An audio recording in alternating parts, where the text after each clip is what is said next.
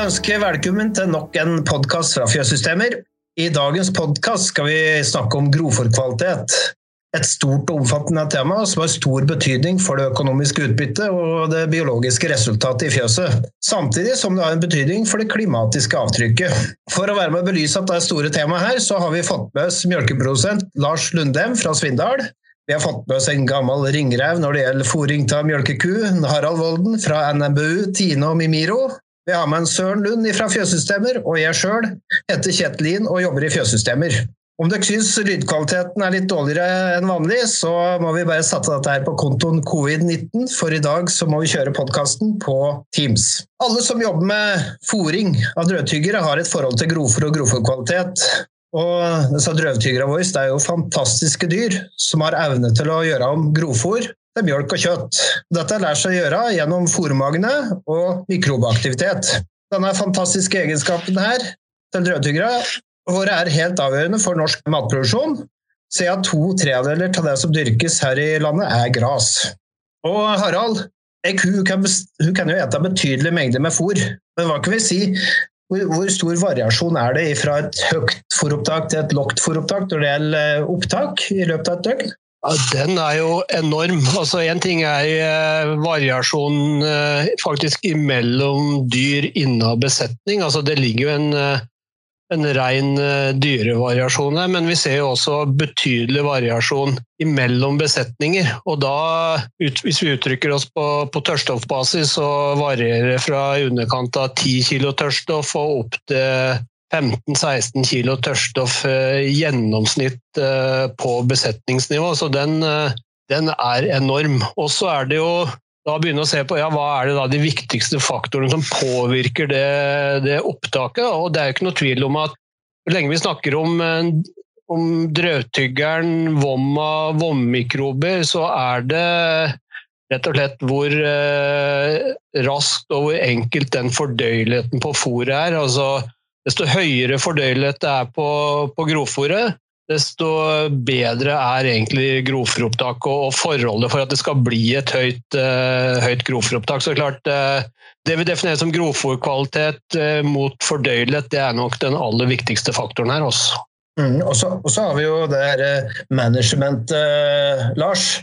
Det er jo, som Harald sier her, selvfølgelig grovfòrkvaliteten viktig. Men det har jo at du også må tilby kua di fôr. Hun må ha tilgang på det. Mm. Og du må litt eh, Det kommer sikkert tilbake til etterpå, men gir hun for mye kraftfôr, så eter jo heller det enn grovfôr. Og mm. syns jo det er mer smakelig. Så du må jo tørre å strupe litt der for å trigge dem.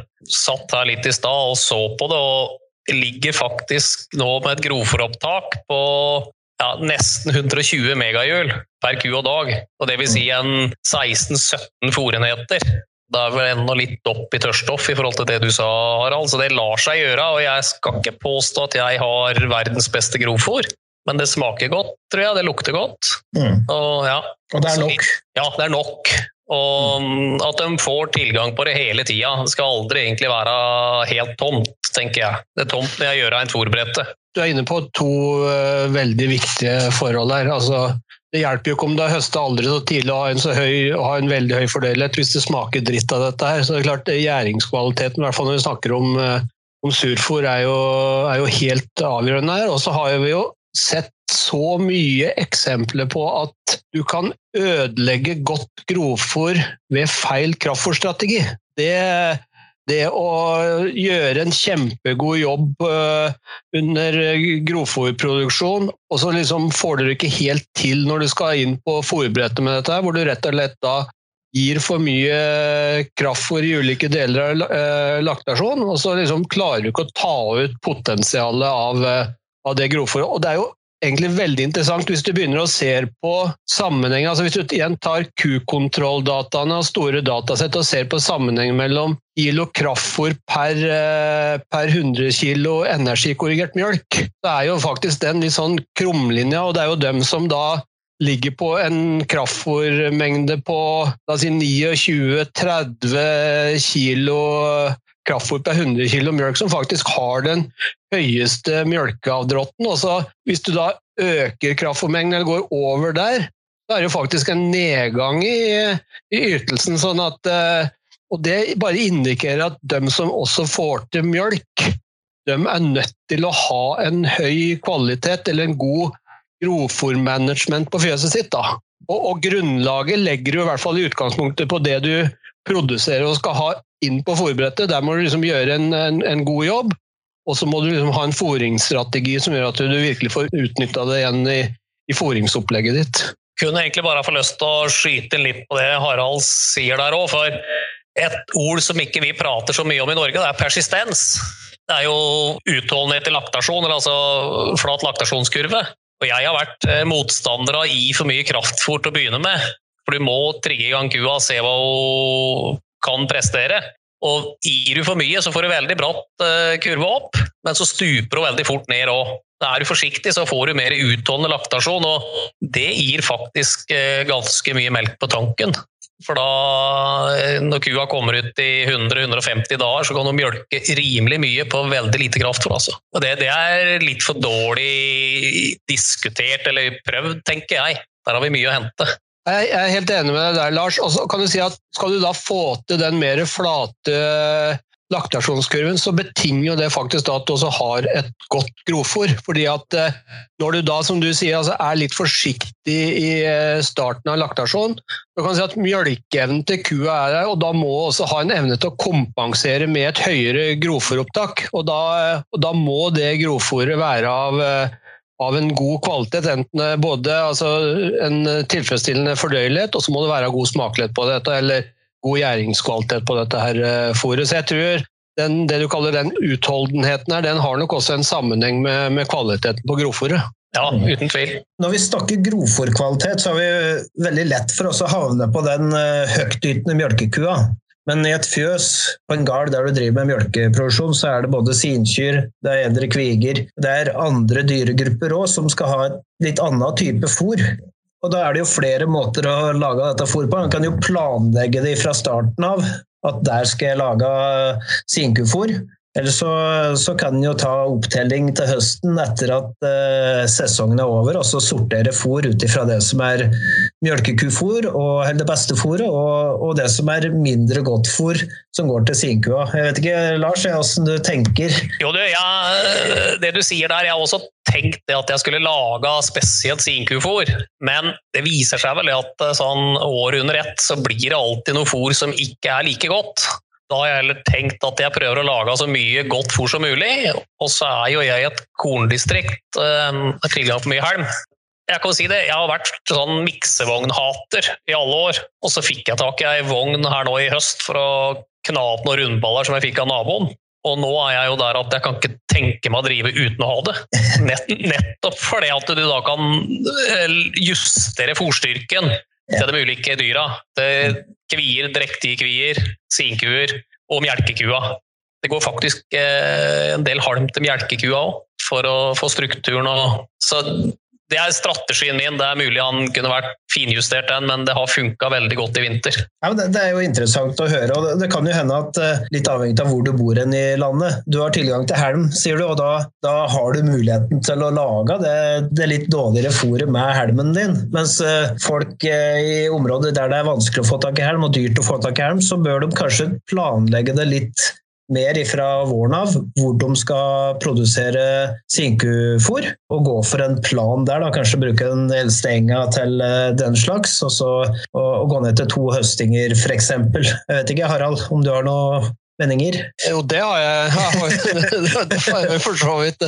Nei, men jeg, jeg, tror du er inne på, eller begge dere er inne på veldig viktige poeng og Det er jo en del av det rådgiverkonseptet som Tine nå har starta opp innenfor uh, grovfòrproduksjon. Der er det liksom det er to ting som uh, vi fronter veldig der. sånn. Det ene at det er kua eller dyret som er bestilleren. Vi ønsker å gå ifra fjøset og nedover i kjeden og til, eh, til jordet og det som skjer der. Sånn, sånn at eh, man har en strategi, man har et bevisst forhold til hva slags fôr skal jeg produsere til mine dyr. Og da er det som dere er inne på, altså hva slags fôr du da skal produsere, det vil ikke være det samme for om du, har, eh, om du skal eh, lage fôr til sinky, eller om det skal være til, til høytytende mjølkekyr, eller om det skal være til eldre kviger. den sak. Så Det er jo liksom noe av hele det konseptet. Det er å la dyret bestille, og produserer faktisk ulike typer fôr som skal matche det kravet som eh, dyret har til fôr. Og da er det litt som eh, det Lars er inne på her. altså Der hvor du har eh, tilgang på halm, så er jo det en fantastisk en måte, regulator i den, i den diskusjonen. Det er sånn, ikke sant? For da kan du produsere mye krutt, og så kan du bruke halm for å, å regulere det til ulike dyregrupper. Og så er situasjonen litt uh, annerledes der hvor det, halmen blir kostbar å få frakta inn, og du ikke produserer halm sjøl. Der tror jeg det absolutt bør være en diskusjon på skal vi produsere, sette av noen skifter, kanskje skifter som ligger litt langt unna, som du sier Kjetil, litt eldre eng, der produserer vi eh, noen, eh, no, no eh, sinkufôr eller til eldre kviger. Og så er det jo mange praktiske aspekter oppi dette. Det har vi også hørt, ikke sant? at det er lett å sitte med papir og blyant og si at du skal produsere det, det og det. For dette skal jo gå opp i fjøset i den daglige drifta også. ikke sant? Sånn at, men ideelt sett så er det å ha fokus på ulike typer kvaliteter til ulike dyregrupper. Og vi ser jo det at det er at det er mange som får det til også, som er bevisste i den strategien. Da. Mm, mm. Og så, hvis vi går eh, enda mer inn på det praktiske grovfordyrkinga, så er det viktig å gjøre ting i riktig rekkefølge her. Og, og alle har jo tatt eh, jordprøver. Og så er det kanskje det neste punktet. da. Skal du få satt opp en gjødselplan, så må du ha en formening, et estimat for eh, hvor stor avlinga blir på de enkelte skiften. Ellers får du ikke laga noen gjødselplan, hvis du ikke vet det noenlunde. Og der tror jeg kanskje er en del å hente. Jeg vet ikke, Lars, om, om, eh, om du har gjort noen målinger på det, eller eh? ja, du, Vi prøvde et år her å telle lass på de ulike skiftene. Eh, mm. Brukte bare sånne mm, saueteller eller sånn. Ja. Du klik, klikka da hver gang du dro av jordet. Og jeg ble veldig overraska over hvor stor variasjon var fra skifte til skifte, fra ny til gammel eng. Jeg skal ikke påberope meg å ha noen veldig gode tall på mine avlinger, annet enn at vi gjør et estimat når sesongen er over, for å se hva jeg har i kummen og antall baller. Og så er jeg vel relativt fornøyd, men det er potensialet for mer. Jeg tror kanskje jeg ikke er tatt ut mer enn 80% av det jeg kan. Så ser vi det. Jeg har jo satt opp en del fòrplaner rundt omkring. og og Det er noen ganger du kommer eh, borti det at eh, andreslåttene er veldig lav på råprotein. Og kanskje på år der det har vært veldig gode avlinger, at en eh, kanskje må ha muligheter for å eller prøve å, å beregne litt avlingsnivå gjennom sesongen. òg. hvis du har en veldig god førsteslått, så, så må det jo til litt mer næring. For ellers så blir, blir, det litt for dårlig da, på, det, på de neste slåtta. Ja, det ser vi egentlig typisk hvert fall her for de to siste åra. Har vi fått enorme avlinger. Jeg vet ikke om hva det årsaken er, men jevnt over litt for dårlig råprotein. og Da må du til med kjøpe litt eh, proteinkonsentrat og bruke litt fòrurea, eller altså spe på. da, og Det er jo unødvendige kostnader, tenker jeg. Det har vært bedre å tatt dem på jordet med i form av litt uh, nitrogen. Nå har jeg jobba en del med, med gjødselmodeller de siste uh, månedene. Uh, vi har jo lansert en gjødselplanlegger inn i EANA-skiftet. og det er jo dette her med ja, si, hvordan vi skal få til en uh, optimal gjødsling. Og det vi ser, er jo at alder på enga er jo en voldsom driver på avlingsnivået. Så det er klart at eh, det skjer noe fra La oss si at ja, du har et gjenleggsår, det er, det er noe, den delen av det. Og når du da får første engår etterpå, så har du en eh, voldsom kapasitet på den enga. Og så ser vi jo det at eh, ja, andreårseng, tredjeårseng, fjerdeårseng. Og det er klart når vi kommer ut på fjerde året, så er vi liksom nede på en reduksjon på 30-40 eh, som en ren sånn alderseffekt der. Så derfor tror jeg det at eh, det å ha gode estimater på avling, det tror jeg er eh, avgjørende for å få til en optimal gjødsling her. Og så, så, så veit ikke jeg helt hvordan man skal uttrykke seg rundt dette, men det som er interessant, er at hvis vi ser fra 2005, 2006 og fram til i dag, så ser vi jo en, en litt sånn fallende tendens på proteininnholdet i grovfòret vårt. Altså det er klart det svinger noe fra år til år, men hvis du liksom legger ei linje i løpet av de siste 10-15 årene, så er det nok en trend at proteininnholdet går, går ned. og da er det fordi at uh, vi snur enga mer sjelden? Er det en årsak, eller er det fordi at vi gjødsler svakere, eller er det fordi at vi f.eks. overvurderer gjødsleeffekten av husdyrgjødsla vår? For eksempel? altså, det er et eller annet der som jeg tror vi har noe å gå på avlingsmessig ved å optimalisere gjødslinga vår. Da. Og da tror jeg som sagt det er to viktige elementer. Det er å ha gode tall på avlingsmengde. Ikke like lett eh, bestandig det, men spesielt eh, den som driver med rundballer, eh, bør ha en god mulighet til å, til å få til et brukbart avlingsestimat ned på, på skiftenivå. Og så er det å få tatt ut en prøve av den husdyrgjødsla, for den ser vi er voldsomt varierende også. Jeg, jeg, tror også vi har noe å hente på, på gjødslingsstrategien vår. Den aller viktigste er eh, det er alderpoenga. Og det er klart, da er vi inne på et helt sentralt punkt der. altså Hvordan skal vi fornye den enga vår, og hvor ofte skal vi ha omløp her? ikke sant? Og Det er et helt sentralt uh, aspekt i dette. Ja, ikke sant. Og da er vi jo fort inne på grassorter. Og Lars, du, du, du velger noen grassorter du, ut ifra det du ønsker deg og har erfaring med? Jeg bruker, jeg er litt sånn tradisjonell. jeg brukt uh, Spire surfòr pluss 10, heter den. Den inneholder litt raigras. Og så har jeg døtta i kanskje litt hvitkløver og noe mer rødkløver. Jeg har faktisk et ønske om å eh, øke kløverandelen, for det gir et litt uh, mer fordøyelig fôr. Og sikkert litt mer smakelig.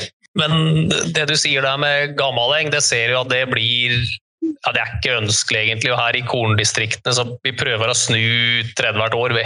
Mm. Ja, mm. for det er en fin forgrøde. Det er knall og så veite på ompløyd eng, f.eks. Ja, ja. Og så eh, Nå har jeg tatt ut for første gang i mitt liv, jeg tok den ut om mandagen eh, etter oppfordring fra Harald, gjødselprøve. Var borte på jorda og fikk søla da nede i, i, utleggeren, så jeg skulle få en representativ prøve òg. Det er jeg spent på, for det har ikke vært gjort her. og det kan godt hende at vi overvurderer eh, effekten av husdyrgjødsla. For, for, som Harald sier, og jeg, jeg opplever jeg har for dårlig råprotein. Og jeg ser jo det på Jeg høster jo relativt tidlig. altså Jeg er jo relativt bra fornøyd med grovfòret sånn sett, men når råproteinet er fraværende, så blir ikke mjølka det heller, altså. Veldig spennende betraktninger der, eh, Lars. Og det jeg sier da, altså hvis du virkelig skal produsere et eh, la oss si, krutt, da, så, bør egentlig eh, fordøyeligheten på eh, førsteslåtten den bør ligge en, rundt 78-80 og, og det jeg ser når jeg ser på analyser av sånne type prøver og førsteslått, så ser jeg at det er dem som har rundt 78-80% fordøyelighet, men samtidig så ligger de og vaker på en 13-14 eh, råprotein. Og Da er det for meg en indikasjon at her har de ei eng som har en voldsom vekstpotensial.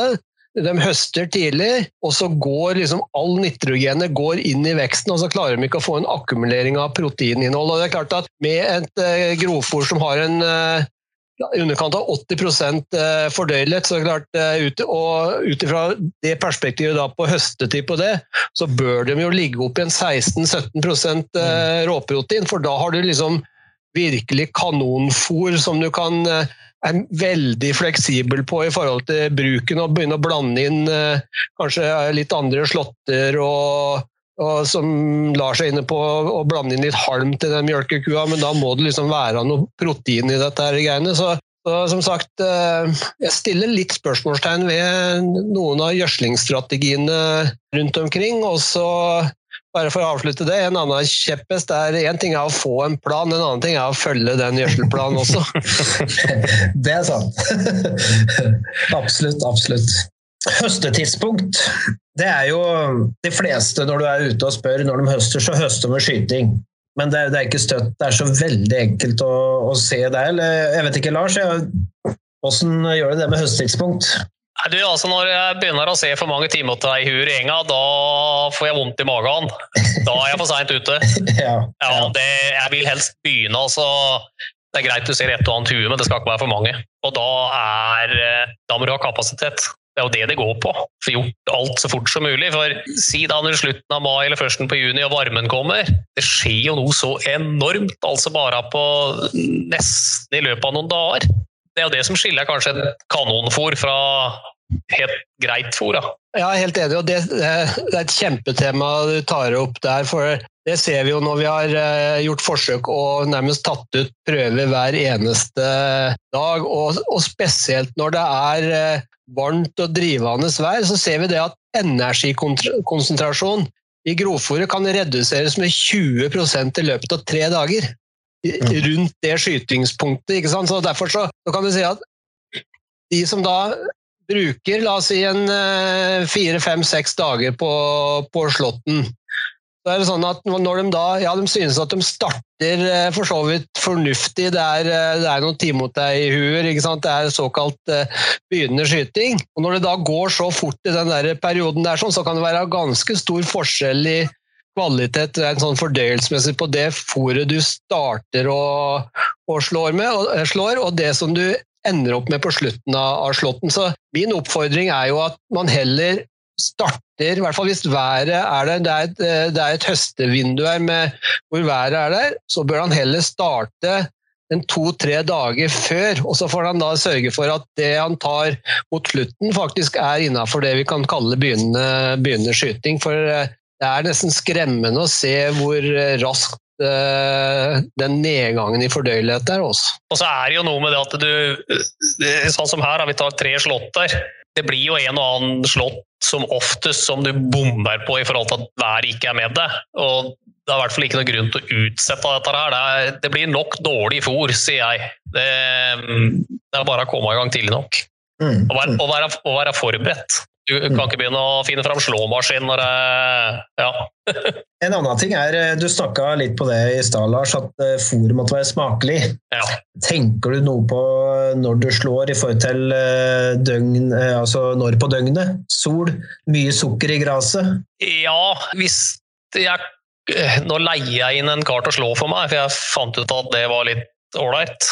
Men jeg vil gjerne ha en dag eller to med sol før vi slår. Og så begynner han å slå litt utover formiddagen, og så er vi da klar til å kjøre da neste dag. Hvis vi får det til, nå er ikke alltid like enkelt, men det er i hvert fall ønskelig for å bygge opp litt sukker. Sukker er en viktig bestanddel i, denne, i dette grovfòret. Sprer du det rett etter slått, eller? Eh? Ja, jeg har mulighet til det, og det hender vi gjør det hvis vi er litt eh, ja, i forhold til Har det regna mye, altså det er mye fuktighet bløtt i gresset. For det å kjøre inn noe sånn ja, som vannet renner av, det blir jo ikke godt fôr, det, altså. Du kan si hva du vil, kan dønke i syre, men det hjelper ikke. Du må få ut noe av vannet og bremse gjæringa og ja. Også litt med det at du Jeg bruker noe bakteriemiddel hvis det er gunstig forhold, men jeg har også rein Ensil og Ensil pluss stånus. Så jeg skal ha muligheter til å velge det riktig ut ifra det riktige forholdet. Sier bakteriemiddel, da må du ha et sukkerholdig gras.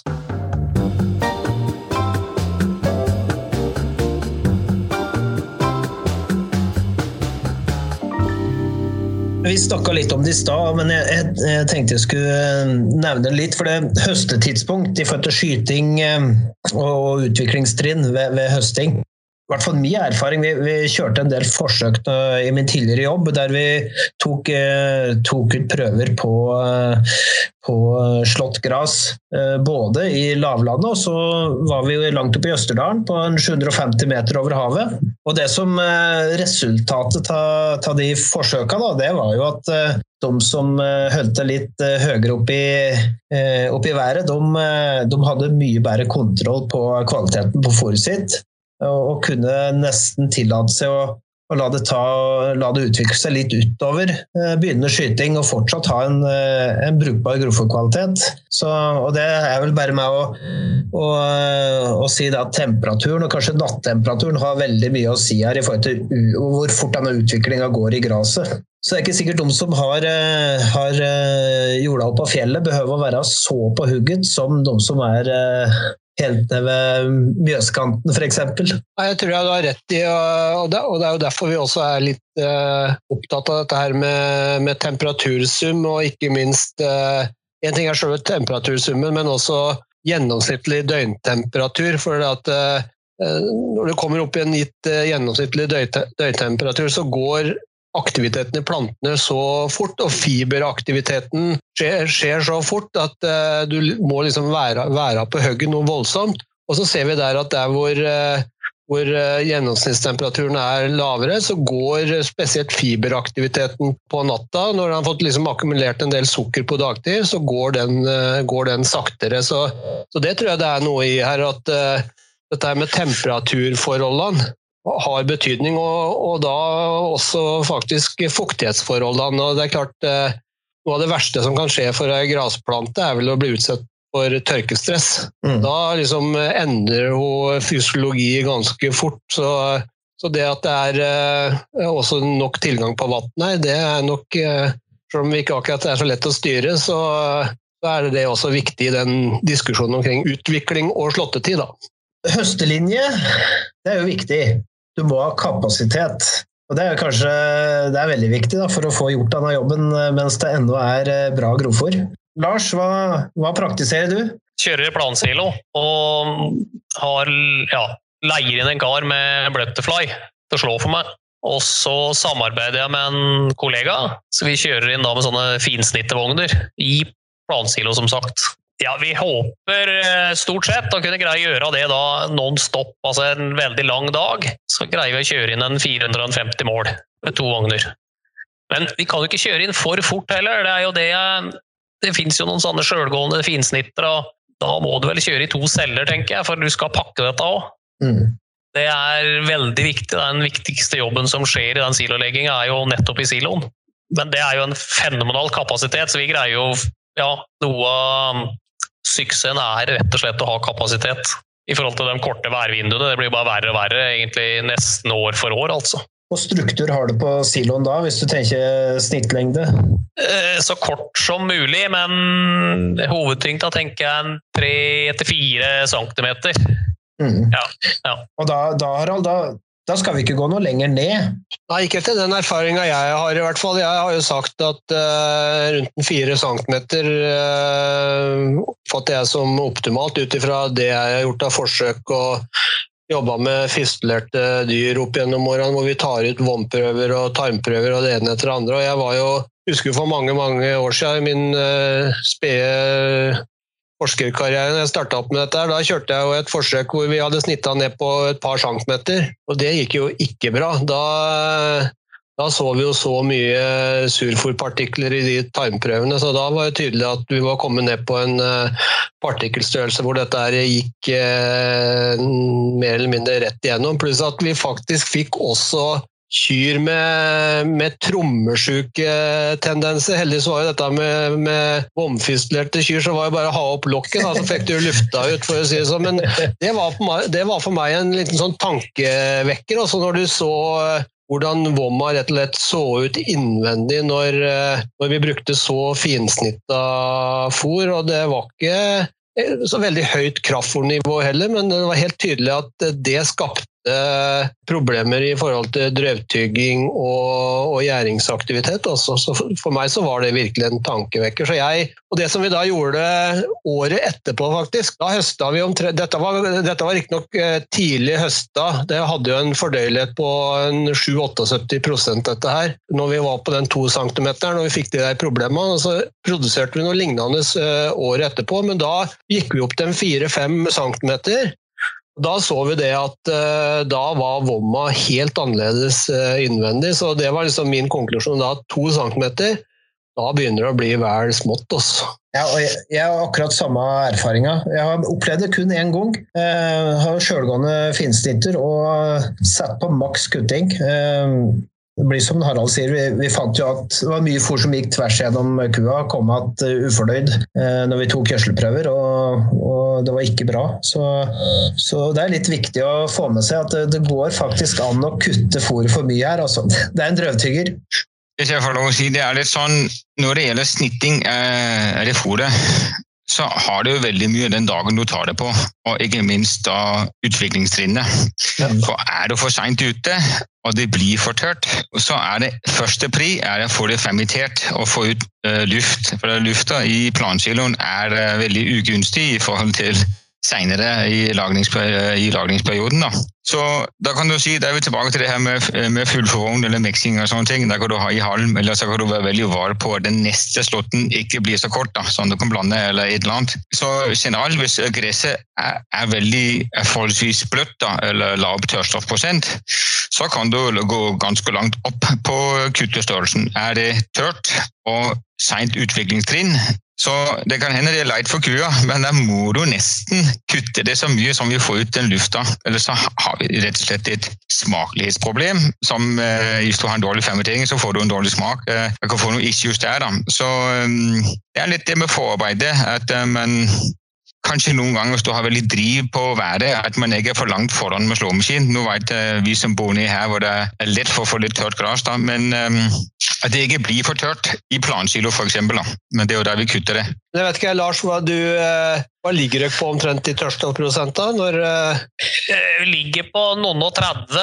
Og ja. ja. fra 30 til Vi har vært helt opp i 50 òg, altså. Men det er ikke noe veldig ideelt. Så jeg, der er under 40 i plansiloen. Ja. ja. 35 er jo kanskje det beste.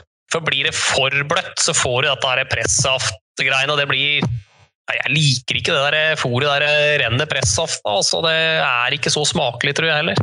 Men hvordan regulerer dere da den tørststoffprosenten eh, i forhold til den som ligger foran med, med slåmaskina? Regulerer dere det på noen måte med Noen ganger breisprer dere, noen ganger gjør dere det ikke for å, liksom, å prøve å treffe sånn noenlunde riktig, eller? Ja, det hender at de breisprer noe. Også fattern ligger jo og fører med samleriva. Og da er det litt avhengig av vi, hvor langt vi tør å slippe han føre oss.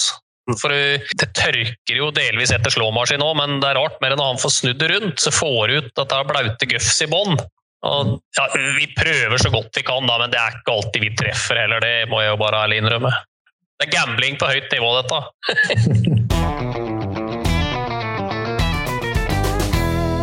Nå er vi jo eh, inne på grovfòranalyser. Eh, tørrstoff har vi snakka på. Hvordan er fòrnettkonsentrasjonen i fòr sånn eh, jevnt over? Ja, hva skal jeg si for noe til da? Kanskje aldri bra nok, men vi har vel på disse prøvene jeg ser på her nå, ligger vi på 0,95 0,90 Ja, jeg vil vel si det at jeg har mislykka hvis jeg havner under 0,90. Jeg ønsker over det, men det er ikke alltid du får til det, da. Og ett år her så hadde vi faktisk fôr som eh, hadde én blank. Men det er heller ikke noe lett fôr å fôre med. Da må du ha noe annet å bremse med, altså. Får jeg 0,90, da er jeg veldig fornøyd. Klart Har du det fôret som begynner å ha det du nevner så, så, kraftig der, så må du i hvert fall være veldig bevisst på, på kraftfôrnivået ditt. For da altså Vi tenker dette med struktur, og ofte at vi sier noe om NDF-nivå i, i rasjon og i fôr og sånne ting. men for kua så er det jo egentlig Hun er ikke så opptatt av om det er 45 eh, eller 50 eller 55% NDF. Det som er viktig for kua, det er hvor mye NDF har i vomma totalt å tygge på.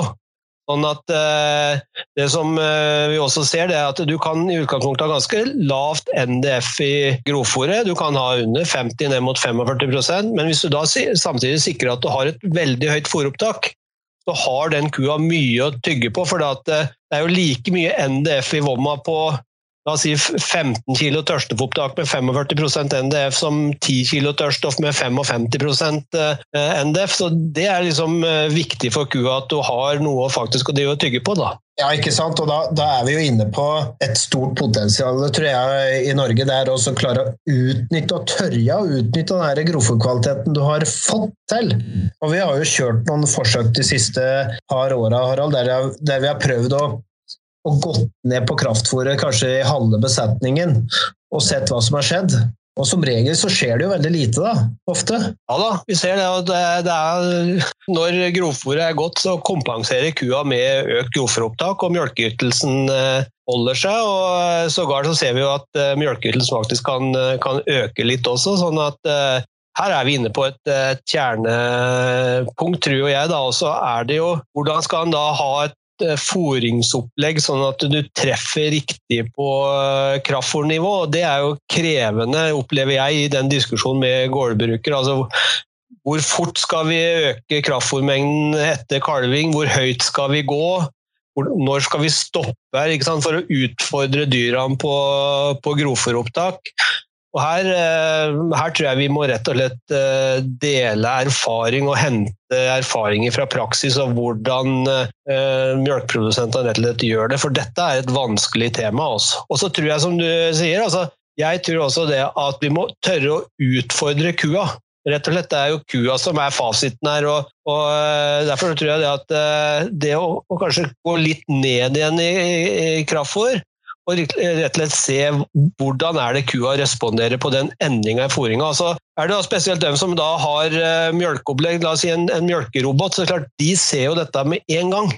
De ser hvordan kua responderer, sånn at det å tørre å utfordre litt der, det tror jeg er, er, er, viktig, da. Da, Lars, da må jeg spørre deg, hvordan klarer du å utnytte gruppekvaliteten din?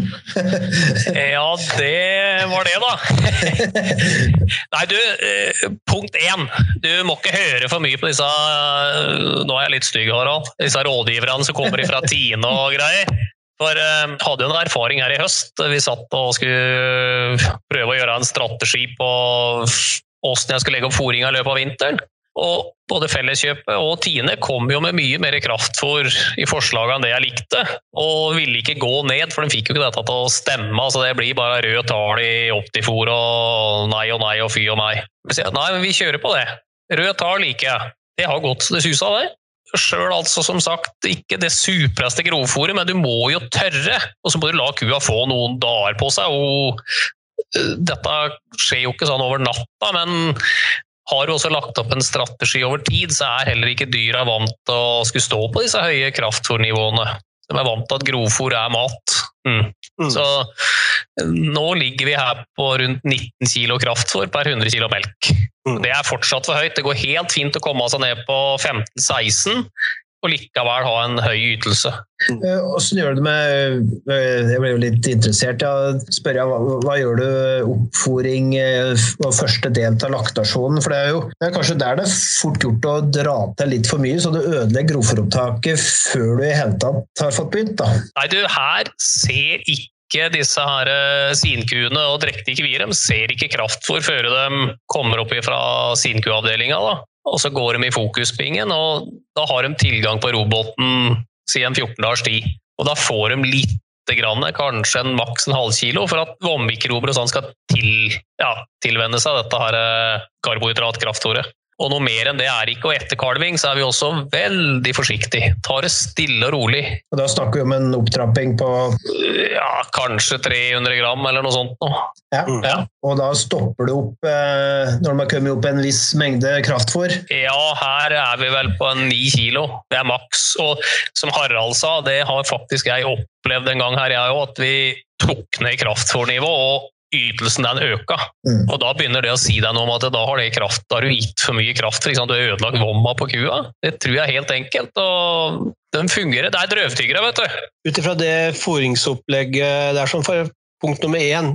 Du har et godt grovfòr, det er ikke tvil om eh, det. Det må du ha i et sånt eh, type opplegg. Og så må en ha kontroll på, eh, på sinkufòringa, For det er klart at det er ikke så lett å utfordre ei ku hvis hun er smellfeit ved, ved kalving. Sånn at eh, Jeg tror at den fôringsstrategien vi får beskrevet her nå, den betinger at det er også si, Sinkufòring og sinkumanagementet er på stell. og det da skal du være, du skal være forsiktig inn mot uh, kalving, og du skal være forsiktig egentlig i hele sinperioden også. Det tror jeg er en klar forutsetning skal du, skal du lykkes med sånt, uh, en sånn strategi. Og så er det vel det òg, tror jeg, sikkert kjent for mange, men det er veldig lett å gi for mye kraftfôr på slutten av laktasjon, og det er jo der fettet på kua kommer. Da, da har du egentlig sendt noe galt av gårde til neste laktasjon, altså. Og det ser jeg så tydelig her nede, og det, da må du være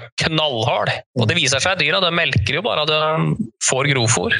Og særlig på slutta, da er det jo enormt opptak eh, hos dem også. Ja da, det blir den omvendte substitusjonseffekten, eller utbytteeffekten. Det er klart, eh, er, Har den godt grovfôr og er litt tøff på den nedtrappinga, så om mjølkeevnen er det, så kompenserer den ved å spise mer grovfôr, rett og slett. Det, er, noe, det er liksom hva det er som driver, eh, som driver grovfòropptaket. Og det er jo ikke noe tvil om at det er eh, appetitt på ytelse eller mjølkeproduksjon som driver fòropptaket her, da, mm. i den fasen av laktasjon.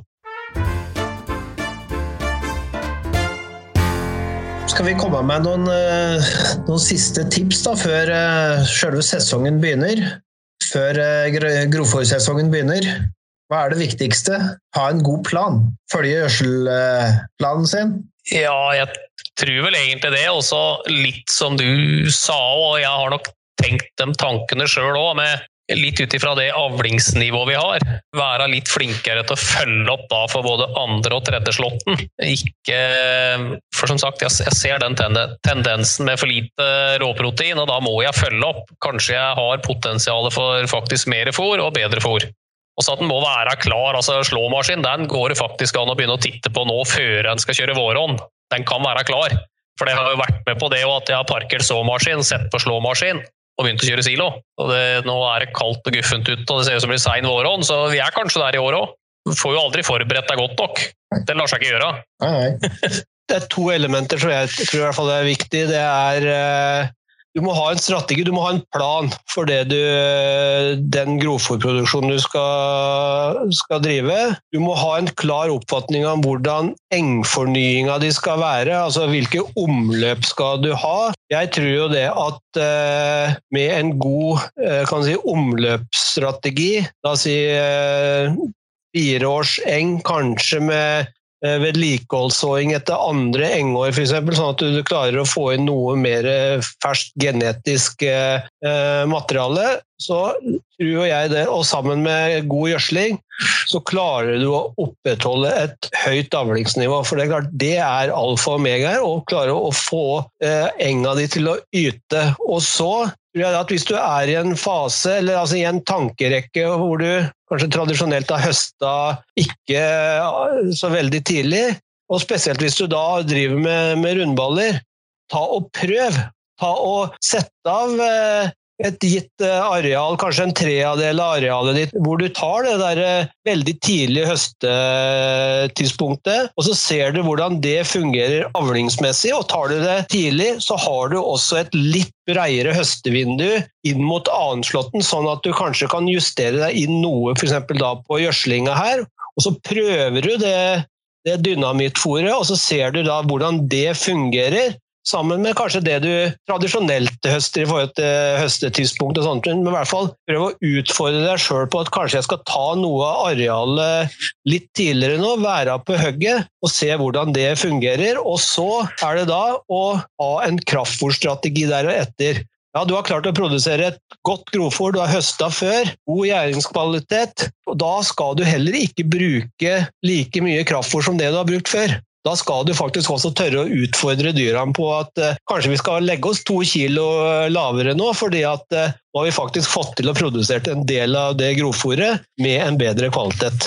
Så Det er liksom eh, min anbefaling. altså Ikke ta liksom det store steget og, tru, og ta alt kjempetidlig, og kanskje gå på en smell i forhold til avlingsmengde, men i hvert fall begynne å prøve og, og gjør noe for å produsere et bedre grovfòr, og tilpass eh, kraftfòrstrategien deretter. det er sånn, eh, i hvert fall min eh, anbefaling i forhold til, hvordan man kanskje kan tenke over den, den sesongen han nå står, står foran. Og så er det som sagt nå er Lars i den heldige situasjonen at han har tilgang på, på halm, men også gjør noen vurderinger på om man skal produsere kanskje en annen kvalitet også inn mot sinku og den, den biten der. sånn. Og så er det litt, eh, Hvis du tenker en helhet og, og lang, langsiktig perspektiv, så er det jo å utvikle disse gode drøvtyggere. Da. Og da har vi med oppdrett og hele, hele managementet, og kanskje velge ut de dyra som har et eh, høyt grovfòropptak og en god grovfòrutnyttelse òg, på sikt. Så du kommer enda litt lenger. Jeg har en kjepphest. Jeg mener jo at eh, kviene i Norge generelt er for små. ja da. Skal du ha ei ku som heter grovfòr, så må hun ha litt vom. Det må være plass til mat, altså. Så enten må vi fôre dem hardere, eller så får de bli litt gamlere. Og det var vel Banna jeg vel litt i kjørka, men uh, det er noe der. Nei, du gjorde ikke det. I hvert fall ikke ut ifra min uh, filosofi. Nå har vi jo kjørt noen prosjekter også med, med kvigeoppdrett, og det, det, bekrefter jo egentlig det du, det du sier, uh, Lars. Og så må, må, vi huske på det at og det som er, Jeg er helt enig, vi må ha store, godt utvikla kviger, samtidig så må de ikke være feite. Nei. Og det betyr at ramma på ei kvige, den legger du egentlig første året.